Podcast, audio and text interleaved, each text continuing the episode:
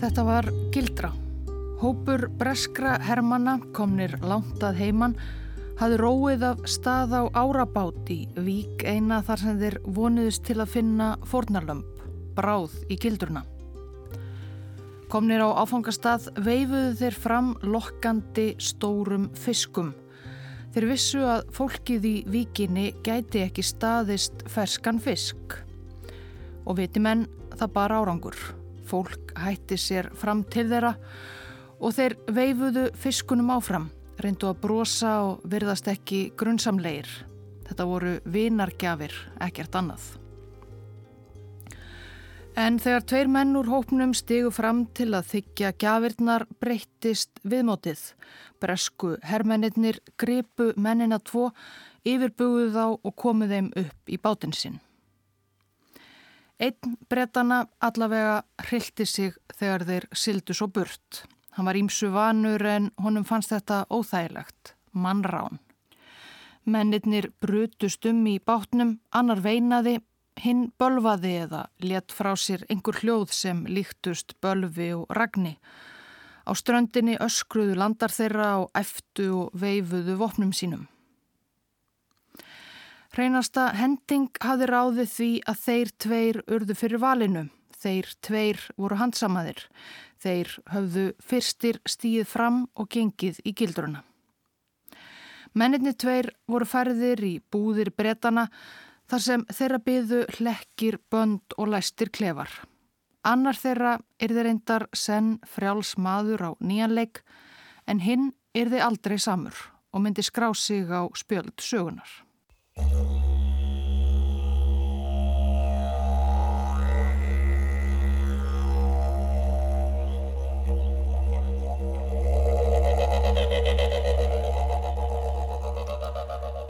Ágæti hlustandi, ég ætla að halda áfram að segja frá því þegar brettar komið sér fyrir í fyrsta sinn suður í Ástralíu og þeim afleiðingum sem það hafði á frumbyggja Ástralíu er fjölmörgu þjóðir sem höfðu þá þegar byggt þetta land í 2000 ára. Í lok síðasta þáttar var komin 11 skipa breskur floti til Botany Bay eða Grasaflóa sunnarlega á austurströnd Ástralíu um borði í skipunum mörg hundruð afbrótamenn og konur sem áttu að þreja þorran í þessu fjarlæga landi frekar en að dúsa í pakkfullum fangelsum Breitlandsæja. Breski könnuðurinn James Cook hafði komið við í Grasaflóa á flakki sínu 17 árum áður og náttúrufræðingur í leiðangri hans, Joseph Banks, mælti síðan með flóanum í Lundunum sem tilvöldnum stað fyrir nýja fanganýlendu, nú þegar ekki var lengur hægt að senda brotamenn á agrana í bresku nýlendunum í Norður Ameríku. En þegar á staðin var komið leist leðtóum fangaflótans ekki á grasaflóa. Umhverfið var þurrt og vass uppsprettunar fáar. Eftir nokkura daga stopp síðla í janúar 1788 sildi aðstimaður flótans kaftin Arthur Philip áfram í leitað betra plássi. Hann þurfti ekki að leita lengi. Um 20 kílometra í norður fann Filip þrengri flóa eða vík sem leit út fyrir að vera að hans mati eitthvað það fínasta hafnarstæði sem sérst hefði nokkur staðar á jörðinni. Vatnið var nógu djúft að stór bresk seglskip getu siltnær alveg upp að ströndu, uppi á landi blasti við þykkur græn skóur í allar áttir og millitrjána fossaði ferskvatn til sjávar. 20. og 7. janúar 1788, þessi dagsetning 27. janúar er núna þjóðhóttíðadagur hins sjálfstæða ríkis Ástralíu, þá fór Filip og breytanir í land í fyrsta sinn á nýja staðnum. Þeir stungu niður stöng með breskum fána og eignuðu þannig í þeirra augum víkina á nákvæmni hennar Breitlandi og Georg Breitakonungi þriðja. Þeir nefndu vikina til heiðurs innaríkismála ráþerranum sem hafi fyrirskipað ferð þeirra með fangana þangað söður, baróninum Sidney.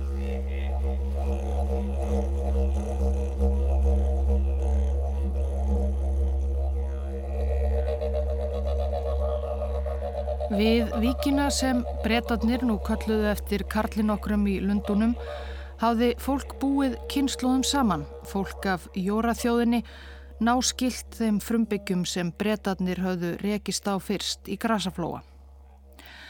Íbúarnir nefndu vikina sína Varran. Þau voru fyrst og fremst veiðimenn, veitu fisk úti í vikinni á litlum kanóum og stungu fiska með spjótum frá strandinni.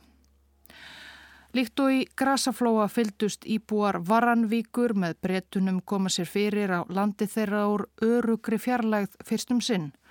Fyldust með furðulegum aðförum þessa undarlega náföla fólks. Samkvæmt góðsögnum jórafólksins voru andar hérna framliðinu kvítir á hörund og ætla má að þau hafi fyrst talið að þetta væri heimsókna handan. Mart var undarlegt við útlitt aðkomi fólksins, karlarnir voru skegglausir eins og konur, þau voru með blá augum. Og eitt fyrsta heiti sem jórafólkið bjóð til yfir aðkomufólkið á tungumáli sínu vísaði til þess hvað þau voru öll með undarlega laung og mjóslegin nef, þau sem ganga með nefið á undan sér, sögðu þau. Fljótt áttaði jórafólkið sig þó því að þetta voru menn og konur af holdi og blóði, engir andar sem af einhverjum ástæðum voru komin þarna á landi þeirra án þess að spyrja nokkur mann leifis. Og breytatnir tóku til við að koma sér fyrir. Það þurfti að fella trefið ströndina og reyðja land, útbúa matjúrtagarða og reysa kofa og heilu raðirnar af tjöldum til að hýsa á brotamennina. Í vikur og mánuði stóð þessi vinna yfir og breytarnir skiptu sér um leið lítið af frumbyggjum landsins. Alveg í upphafi, skömmu eftir að þeir komu í land, höfðu breytarnir séð nokkara karla koma innan úr skójinum með spjóta á lofti og endur taka varra, varra, varra. Það var fyrsta orðið í tungumáli í jórafólksinn sem breytarnir lærðu, komið ykkur burt, komið ykkur burt. En ekki kom til átaka þá og spjótberarnir letu sig á endanum hverfa. Af og til sáu brettar frumbyggja eina eða fáa saman, sniglast feimnislega við byggðir þeirra, kannski voru þeir bara forvitnir eða að leita að einhverju ætilegu. Æti, það var eitt. Brettarnir höfðu haft með sér einhverjar vistir, korn og þurrmeti, þurkað kjött í skipum sínum, en eftir átta mánada sjóferð var ekki svo mikið eftir af því.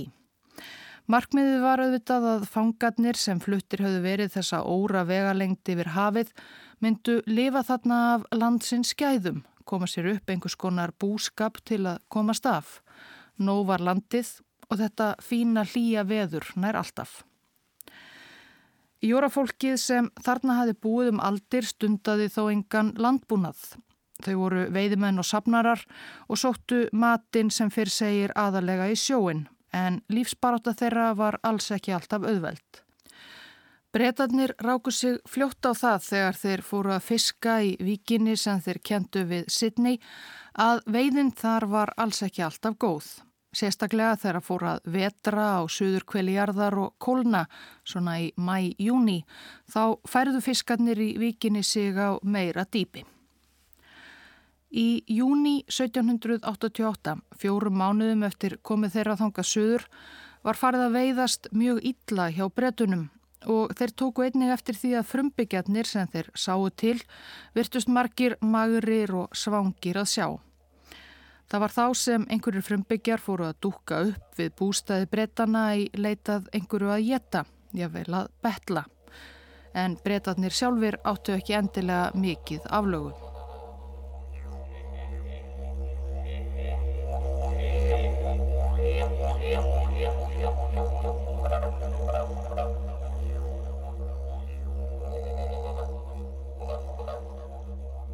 23. november 1789 sildi einn af árabátum brettana inn litla vík inn af Sydney sem þeir bresku höfðu nefnt Manly Cove, Karlmannavík því þegar þeir komið þangað fyrst sáður hóp vopnaðara frumbyggja við ströndina sem þeim fannst sérstaklega karlmannleir að sjá.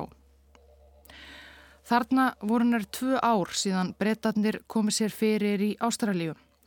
Um borði árabátnum voru nokkrir brettar og þegar báturinn nálgæðist ströndu tóku tveir þeirra upp sinn fiskinn kvor og dingluðu þeim í loftinu fyrir framann sig. Á ströndinni var hópur frumbyggja og fylgdist með. Úr brettarnir að bjóða þeim þessa fiska veldu þeir eflust fyrir sér. Það leiti allt út fyrir það. Það var loksað vora en veturinn 1789 hafði verið erfiður, veiðin sérlega léleg. Digrir fiskarnir voru sannarlega freistandi. Tveir frumbyggja karlar stigu fram og þáðu fiskana úr höndum brettana en hafðu ekki fyrr gert það en brettarnir stukku á þá, heldu þeim föstum og þvinguðu svo um borði í árabátinn landar mannana á ströndinni æstust upp, stukku til með spjót sín og kilfur á lofti en breytarnir gripu strax til árana og tókst að komast undan á bátnum með frumbyggjana tvo um borð. Þó alls ekki allir kampa kátir. Háfaðinn í körlunum, öskrinn og gráturinn í konunum og börnunum og ástandið á þessum tveimur aumu vesalingum í haldi okkar, þetta var allt þið átakanlegasta. Þeir tveir voru skjelvingu losnir, sérlega annar þeirra, hinn kallaði ítrekkað til þeirra á ströndinni og hljómaði mjög reyður. Svo skrifaði breski sjóherfóringin William Bradley síðar. Hann lísti um leið mannráninu sem því allra ógeðfeldasta sem hann hefði neyðst til að gera á sínum Hermannsferli. Það var Arthur Philip, landstjóri bresku fanganýlendunar sem hafi fyrirskipað þennan gjörning. Philip var þarna 22 mánuðum eftir að flotin lendi þar siðra farin að hafa miklar áhyggjur af afkomu sinna manna. Bretarnir hafðu rutt mikið af áður skójivöksnu landi við vikina, landi sem virtist frjósamt en hvað sem þeir reyndu að rækta, af fræjum sem þeir höfðu haft með sér að heimann, þá gekk það illa. Fyrstu tilraunir til uppskeru höfðu brúðist nær alfarið. Fiskveiðin var líka sem fyrir segir kvikul og óræðanleg.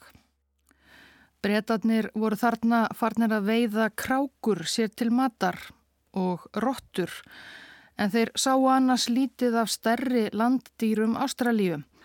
Ekki sérlega oft hinnar framandi og furðulegu kengurur til dæmis sem þeir reyndu þó alltaf að veiða eftir fremsta megni enda fínasta kjött fannst þeim. Arthur Philip hafi fengið þau fyrirmæli í Lundunum að beita engu ofríki heldur reyna að efna til vinalegra samskipta við innfætta í Nýjalandinu. Hinga til höfðu samskiptin þó korki verið vinaleg nýja fjandsamleg eiginlega bara lítil sem enginn. Ekkert gekk að reyna að eiga við frumbyggjana sem enn heldu sig að mestu í fjarlægð. En Filip taldi orðið nöðsynlegt að ná sambandi við innfætta, ekki síst í vonum að þeir getu kent bretunum að lifa betur af landsins skæðum. Þess vegna hafði hann fyrirskipað mönnum sínum að ræna tveimur frumbyggjum Með valdi átti að kenna þeim ennsku svo hægt væri að notast við þá sem tólka og komast þannig í betra samband við þjóð þeirra. Annar gíslana hétt Kolbi. Hann var á færtugsaldri, bjófið minni Sidnevíkur. Hinn maðurinn sem breytar rendu tilherði öðrum ættbálki eða flokki frumbyggja sem bjó lengra inn í landi. Sá var áakiska 25 ára gamall, sérlega hávaksinn með að við landa sína heilir 1.72 og þó hann hafi borið fjölmörgnöfn var hann yðurlega kallaður af breytunum Benelong. Þeir Kolby og Benelong voru raunar ekki fyrstu frumbyggjarnir sem breyta reyndu að þvinga til ennskunáms með þessum hætti. Í kringum áramótin 1788-89 höfðu breytar rænt manniðanabni Arabanú Arabanú þessi var síðan hafður handjátnaður og hlekkjaður og gemdur læsturinn í kofa með einhverjum brotamanninum yfir nætunar. Við þessar aðstæður gekkunum ótrúlegt en satt ekkert að læra ennsku. Nýja gekk bretunum nokkuð að skilja það litla sem hann let út úr sér á eigin tungu ef þeir þá lögðu sig eitthvað eftir því. Ekki löngu eftir að Arabanú var neftur í gíslingu á fyrstu mánuðum ársins 1789 fór bólusótt að herja í byggð bretana við Sidnevík. Bretanir höfðu flutt sóttina með sér frá gamla heiminum, höfðu margir fengið hana áður og myndað ágætis ónæmi eða hlotið fyrirrennara bólusetningar sem þá týðkaðist verið smitaðir vísvitandi með vægara afbreyði sóttarinnar. Vektust því lítið. En ónæmiskerfi jórafólksins hafði aldrei átt við neitt í líkingu við evróska bólusótt og átti við henni fá úræði þegar sóttin dreifði sér út úr byggð bretana. Í april 1789 fóru bretanir að taka eftir því að lík frumbyggja lág eins og ráfiði um strendur. Einn fársjúk fjölskylda allsett bólum leitaði aðstóðar í byggðinni sem brettar voru þarna farnir að kalla Sydney Town. Arabanú innfætta gíslinum þeirra var falið að hjúgra tveimur löndum sínum en hann síktist sjálfur við það af bólusóttinni. Arabanú lést af hennarvöldum 18. mæ 1789. Það var svo sannlega hræðilegt að fara um víkurnar þar sem frumbyggjar voru áður fjölmennir. Þar sem í hellunum sem áður hýstu heilu fjölskyldunar í vondum veðrum mátti nú sjá menn, konur og börn liggja dáin. Þar að við höfðum aldrei séð nokkurt frumbyggja sína ummerki bólusóttarsýkingar, höfðum við ástæðu til að ætla að þeir hefðu aldrei áður upplifað hana. Ástandið var slíkt að innfættir höfðu ekki undan að grafa lík ástuna sinna og líkin lágu því eins og ráfiði um allt. Nútíma fræðimenn áætlað meira en helmingur jórafólksins hafi látist úr bólusóttunni mörg hundruð manns hið minsta. Fylkingar og ættbálkar urðu misjablega illa úti, í einhverjum hópum veiktust nær allir og dói. Einungis einn úr liði brettana veiktist illa og ljast. Bæði Kolby og Benelong, mennirnir sem rænt var til að taka stað Arabanú sáluga í november 1789, hafðu fengið bólusóttina þegar faraldurinn geysaði sem hæst fyrr á árinu en komist af.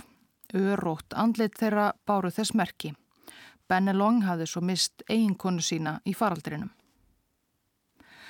Mennirnir tveir voru nú fluttir til Sidney bæjar og Philip landstjóri fyrir skipaði að hugsað skildi vel um þá. Hann vildi endilega halda þeim eins góðum og undaværi. Kolby og Bennelong höfðu greinilega verið soltnir þegar þeim var rænt. Þeir báru sig almennt ítla fyrstu dagana skiljanlega ósáttir við að vera neftir í gíslingu en síndu þó mikla matarlist og letu í sig ókjörun öll af fiski. Bretarnir máttu þó varla af matvælum sjá, þeim var orðið nömt skamtað á mannskapin í Sidneybæ. Á þessum tíma skorts sáum við eins vel um Bennilong vinn okkar og okkar vonleitlu aðstæður lefðu. Hefðan átta sig á raunverulegum kringustæðum okkar hefði hann svo kannski gefið löndum sínum lýsingu á þverrandi mætti okkar sem hefði hvart þá til að vera með vandraði við okkur. Við gerðum allt til að halda honum í myrkrinu um þetta en vikuskamtur okkar af mat næði honum ekki í einn dag. Líkt og með Arabanú sálega voru nýju gíslatnir bundnir á höndum og fótum með reypi og svo læstir inni yfir nóttina. Þeir gerðu margar tilrunir til að komast burt með því að naga reypin sundur á nóttinni en þar sem þeir þekktu ekki til lása og hörðum og glöggum hefðu þeir allt eins geta verið áframbundnir. Þegar verður okkar vöknuðum komuður að þeim fálmandi um herbergið að reyna að finna óp til að sleppa út í gegnum. Öðrum gíslana, Kolby, tókst þó að strjúka og haldi brettana eftir ekki langa dvöl. Bennelong tókst svo einnig að sleppa eftir nokkra mánuði í mæbyrjun 1790. Aftur voru brettarnir þá án innfæts fanga og tólks. En í byrjun september sama ár 1790 bar nokkra bretta að þar sem hópur frumbyggja satt í fjörunni í Karlmannavík og nartaði í íllaliktandi, rótnandi kvalsræ. Meðal frumbyggjana þekktu breytatnir fyrirverandi gíslinsinn Benelong. Hann var orðin enn magrari en áður. Það var greinilega enn hart í ári hjá frumbyggjum sveiðsins. Með einhverju pati gaf Benelong til kynna að hann vildi að Arthur Philip, landstjóri bretana, kæmi til fundarviðan þarna í vikinni. Landstjóran hafði hann komist í örlitil kynni við í gíslingunni og vissi að hann væri fóringi aðkomumannana. Og Philip sem vildi enn Olmur ebla samskiptin við innfætta var einmitt úti á árabát ekki langt undan og fjálst fúslega á að þinga.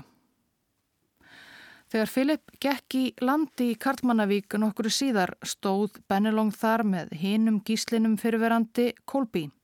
Þeir voru báðir óvopnaðir en ekki langt undan stóð hópur landa þeirra í hálfring, einhverjir með spjót í höndum.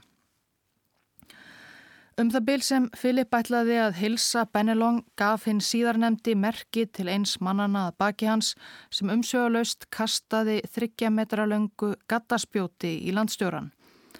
Spjótið hæfði hann rétt við annað viðbeinið og fór í gegnum aukslina. Benelong, Kolby og landar þeirra hlupu svo í felur. Filip tókst að komast upp í árabátin með hluta af spjótinu enn í sér og honum var silt aftur til Sidney bæjar þar sem læknir dró spjótið út og gerði að sári hans. Líklegt er að Bennelong hafi með þessu viljað hefna fyrir gíslatökuna árið áður. Í menningu Jórafólksins var mikið lagt upp úr hemd. Þó líklegast ekki með drápi. Spjótberanum hefði án Eva tekist að drepa landstjóran hefði hann viljað það með svo stóru vopni af svo litlu færi. Nei, Filip náði sér að fullu innan nokkura vikna og það sem meira var bað menn sína um að hefna ekki árásarinnar á neitin hátt. Hún var enn umhugað um að fara að fyrirmælunum sem hann hafi fengið í lundunum og styggja ekki innfætta óhóflega. All óvenjulegur vinskapur tókst svo í kjölfarið með þeim Filip Landstjóra og Benelong. Um mánuði eftir tilræðið með spjótinu langa var Bennelong mættur í kvöldverðar bóð hjá Filip í landstjóra bústað Sidneyjar og þar var þann síðan tíður gestur.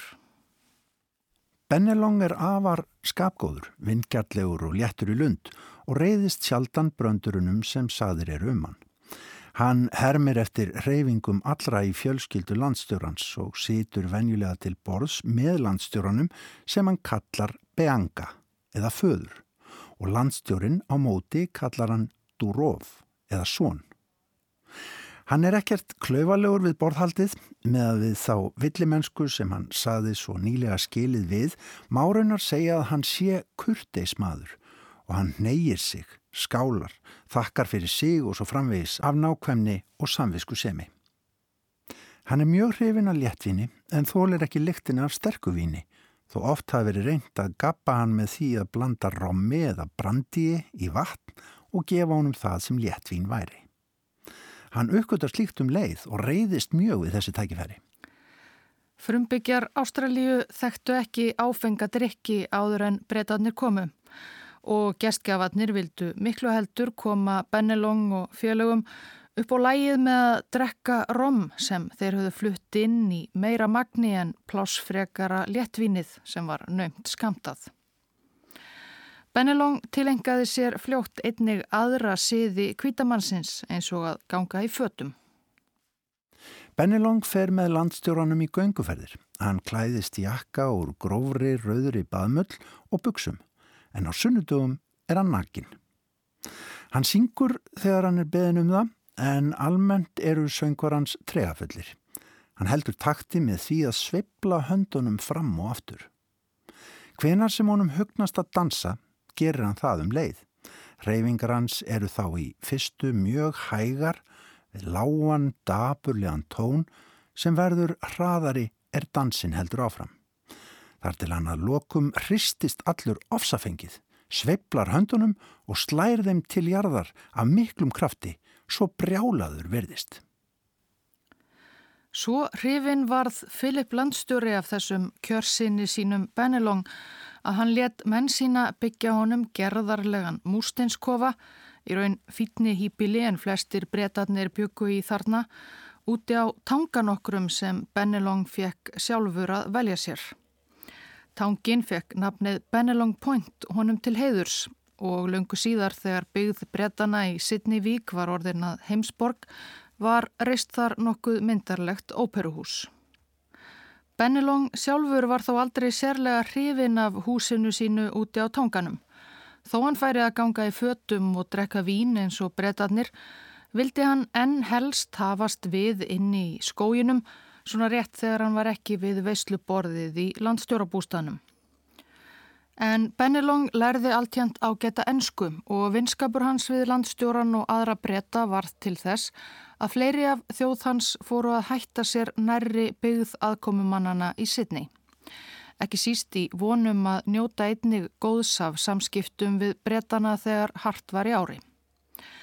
Smátt og smátt urðu jóramenn og konur tíðir gestir í Sydney að sníkja af bretunum matvæli og svo ekki síst aðrar vörur sem jórafólkið fekk þarna kynnast í fyrsta sinn og mörg þeirra ánetjuðust, tópaki og áfengi.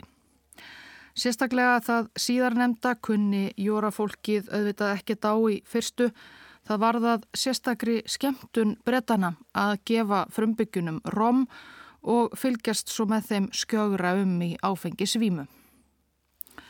Þarna komust breytar líka upp á aðra skemmtun. Breytarnir og frumbyggjarnir höfðu auðvitað engan gjaldmiðil sameinlegan og frumbyggjarnir höfðu lítið að bjóða breytum annað í skiptum fyrir tópaki þeirra og rommið annað en innfættar konur.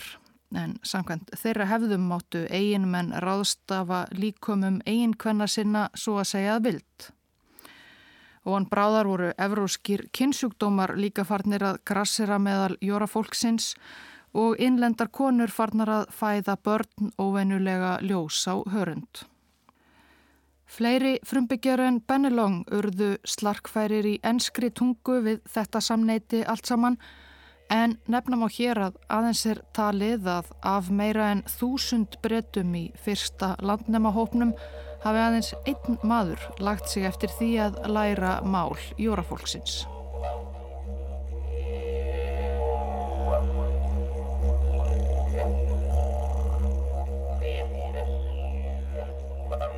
Tíunda desember 1792 let Arthur Philip af störfum sem landstjóri breyta í nýlendunni sem þarna hafi hlotið heitið Nýja Söður Wales. Hann hafi verið rúm fjögur ári í starfi og átti orðið við Ímis hilsufarsvandamálað etja. Hann var með nýrnasteina og ætlaði að leita sér lækninga í gamla landinu. Degi eftir að hann hætti formlega störfum lagði hann af stað með bresku skipi Atlantik sem fluttaði til nýlendunar nýjan skamt af afbrótamönnum áleiðis heim til Bretlands. Það hafði verið nokkuð regluleg skipaum ferðmiðli nýju Suður Wales og gamla Breitlands undan farin ár. Skip fluttu til nýlendunar fanga frá Breitlandi og fluttu stundum tilbaka fjársjóði frá þessu framandi landi í Suðri. Filip Landstjóri hafði þannig lagt nokkra áherslu á að senda andlegum föður nýlendurnar í Lundunum, náttúrufræðingnum Joseph Banks, reglulega síni af áströlskum jurtum og dýrum. Hann hafði meira segja gert nokkrar tilraunir til að senda með skipi til Breitlands lifandi kenguru. Þær lifiðu ekki allar sjóferðina en talið er að fyrsta lifandi kenguran hafi stíð fæti á breska grundu í oktober 1791. Arthur Philip var heldur ekki einn á ferð í þetta skiptið. Meðum borði í Atlantik hafði hann heilar fjórar kengurur sem hann vonaðist til að sína ekki aðeins Joseph Banks heldur líka breytakonungi, svo tvo frumbyggja, Kjörsson sinn Benelong og annan ungan mann af sama ættbálki á að giska 17 ára Jemeravanne. Líkt og Benelong hafði Jemeravanne gert sig heimakomin meðal brettana í Sydney var vel liðinn þar og tíður gestur í landstjórabústanum. Hann fór að klæða sig í fött og hafði meira segja lært að þjóna brettunum til borðs. Bennilong og Jemiravanne lögðu fúsir og afslappaðir af staði þessa langferð ef markamá frásagnir breyta á staðnum þó eiginkonum þeirra ættingum og vinum hafi ekki litist á blikuna. En sjóferðin gekk vel. Allir mennum borð livðu og kengururnar einnig og breskaskipið Atlantik kom til Hafnar í Cornwall á Englandi eftir sex mánada siglingu í mæ 1793. Hvernig frumbyggjunum tveimur varð við að upplifa borgarlíf Bretlands vitum við lítið um því miður skildu þeir sjálfur ekki eftir sig neinar ritaðar frásagnir. Í Lundunum fór Filip Landstjóri með ungumennina til klæðskera og let dressa þá upp eins og heldri herramenn. Þeir fengu svo skoðunarferðir um helstu kennileiti heimsborgarinnar, þeir fóru á söpn, í leikús, í bathús og fengu meira að segja heimsækja breska þingið. Í sumum heimildum er því haldið fram að Bennelong og Jemeravanne hafi farið á fund Georgs breytakonungs þriðja. Konungur hafði áður tekið á móti fulltrúum frumbyggja Norður Ameríku í sambærilegum heimsóknum og sannarlega hafði Philip Landstjóri allavega ætlað sér ef markam á breyfaskriftir hans og Joseph Banks að fara með fyrir konungin að minnstakosti eina kenguru. Þó virðist sem af fundi Bennelong, Jemmeravanni og konungsins hafi aldrei orðið í raun og veru.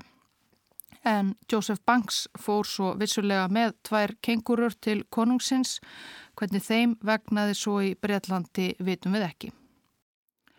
Frumbyggjarnir tveir fengu inni á heimili föður eins herfóringjans í liði Phillips í Sydney í Mayfair hverfi Lunduna. Þar fengu þeir enga tíma í enskri tungu og enskum siðum og tóku líka á móti forvitnum gestum úr breskri borgarastjett. Eitt kvöldið sungu þeir fyrir gesti, söng sem þeir sögðu tilengaðan eiginkonum sínum og slóu taktin með prikum.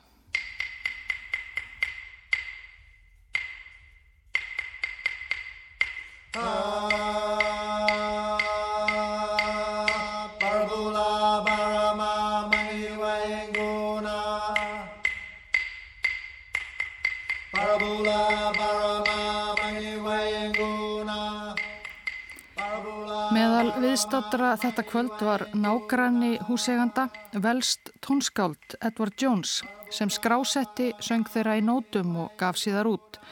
Það er elsta rita heimild okkar um ástrálska tónlist. Tveir ástrálskir tónlistamenn af frumbyggjaætum, þeir Clarence Slocki og Matthew Doyle, fylgdu þessum nótum árið 2011 og tóku upp söng þeirra Benelongs og Jemeravanni. Parabula barama mani wayinguna Parabula barama mani wayinguna Nokkrum mánuðum eftir komina til Lunduna í september 1793 voru bæði Jameravanne og Bennelong ornir veikir en það nóg af framandi sóttum að síkjast af í Lundunum. Jameravanne var sérlega illa haldinn, skínhoraður, veikburða og döfur í dálkinn.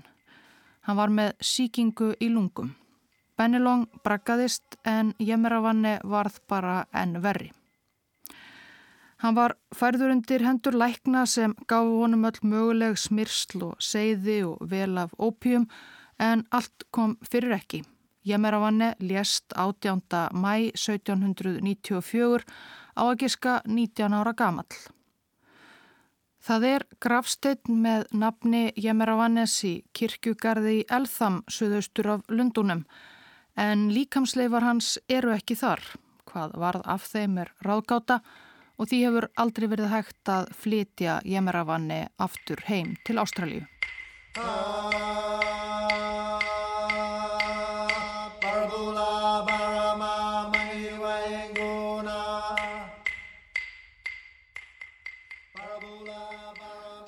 Eftir dauða Jemeravanes vildi Bennelong Olmur snúa heim til heimalandsins og tókst honum það loks með skipinu Reliance í september 1795.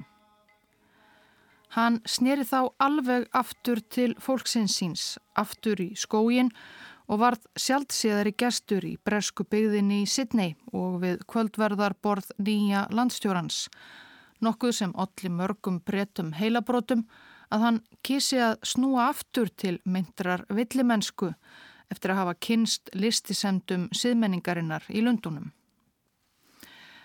Bennelong helt þó enn upp á að minnstakosti einn síð sem hann hafi lært af kvítamanninum og ekki þann besta. Bennelong var enn gífurlega mikið fyrir flöskuna. Þegar 19. öldin gekk í garð varð æg fátíðara skrifuðu brettar að rekast á Bennelong í alls gáðu ástandi. Hann var þó áhrifamadur í sínu samfélagi, öldungur með einstaka reynslu af tveimur heimum.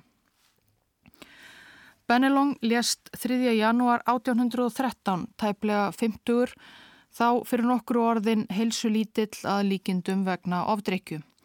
Þá var aldarfjörðungur síðan fyrstu breytatnir fóru að koma sér fyrir í heimahögum hans. Nýlenda þeirra hafði stækkað og dapnað Það var meðal annars farið að gefa át dagblað Sydney Gazette þar sem í andlátsgreinum Bennelong, fyrsta frumbyggjan sem bjó meðal breyta ef til neittur, þar var hæðstaðunum, villimennsku hans og drikkjulátum. Bennelongs eigin þjóð hjælt honum svo mörg hundruð manna heiðusútfur.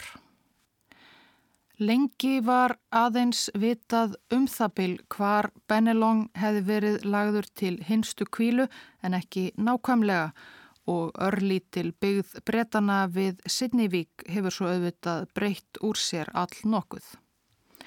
En árið 2011, 98 árum eftir að Bennelong lést, fann ástralskur vísindamadur líkamsleifar hans þá komnar undir grasflött framann við íbúðarhús í útkverfi Sidneyborgar.